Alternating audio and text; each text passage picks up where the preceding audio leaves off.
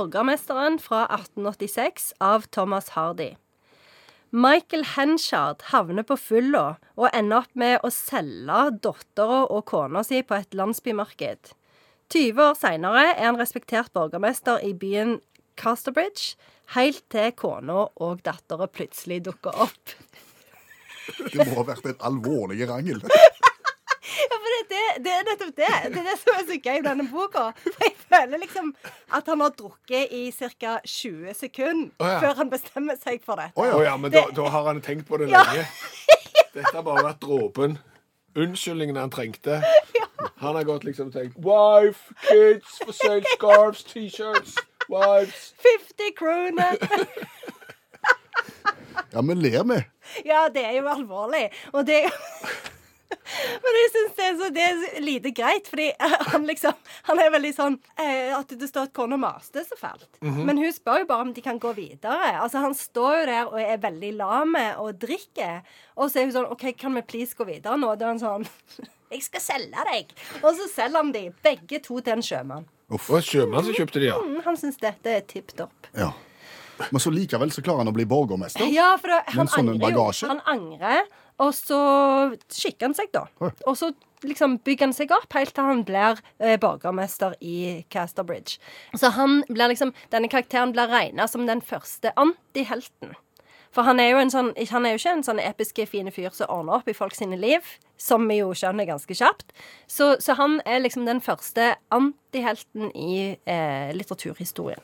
En liten digresjon. Når du holdt opp den boka og viste den til oss, så renner det sand ut og ned på pulten her i radiostudio.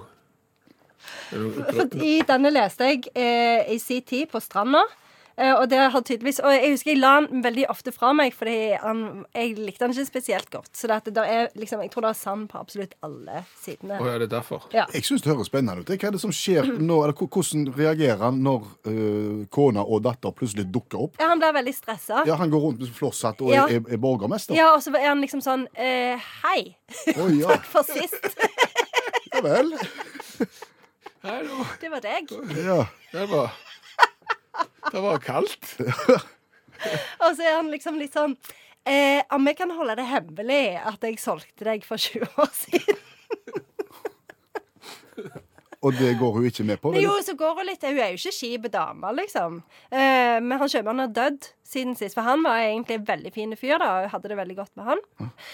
Men så er det liksom sånn eh, Det er sykt mye som skjer, da. For han har jo òg vært sammen med ei dame på ei, ei annen dame, og så kommer hun, og så liksom eh, blir han stressa for det. Hvem skal jeg være sammen med nå? Det er jo litt sånn farse, ja. Ja, det er litt farseaktig. En borgermester ut én dør, og Ja. inn med ei solgte kone og ei kjøpte og ei ny, og bare Ja. Ja, det er litt sånn, faktisk. Finner de tilbake til hverandre?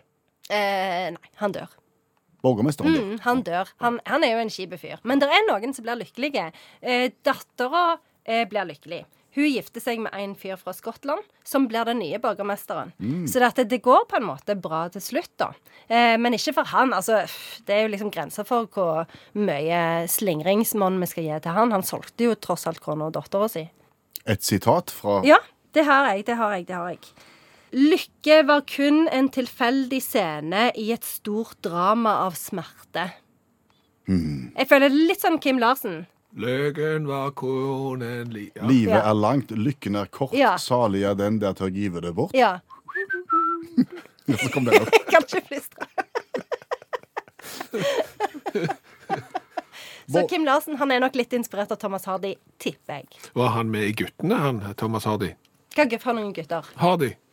Nei, jeg tror verken Frank eller Joe, men kanskje Så det er litt en- ukjente storebroren.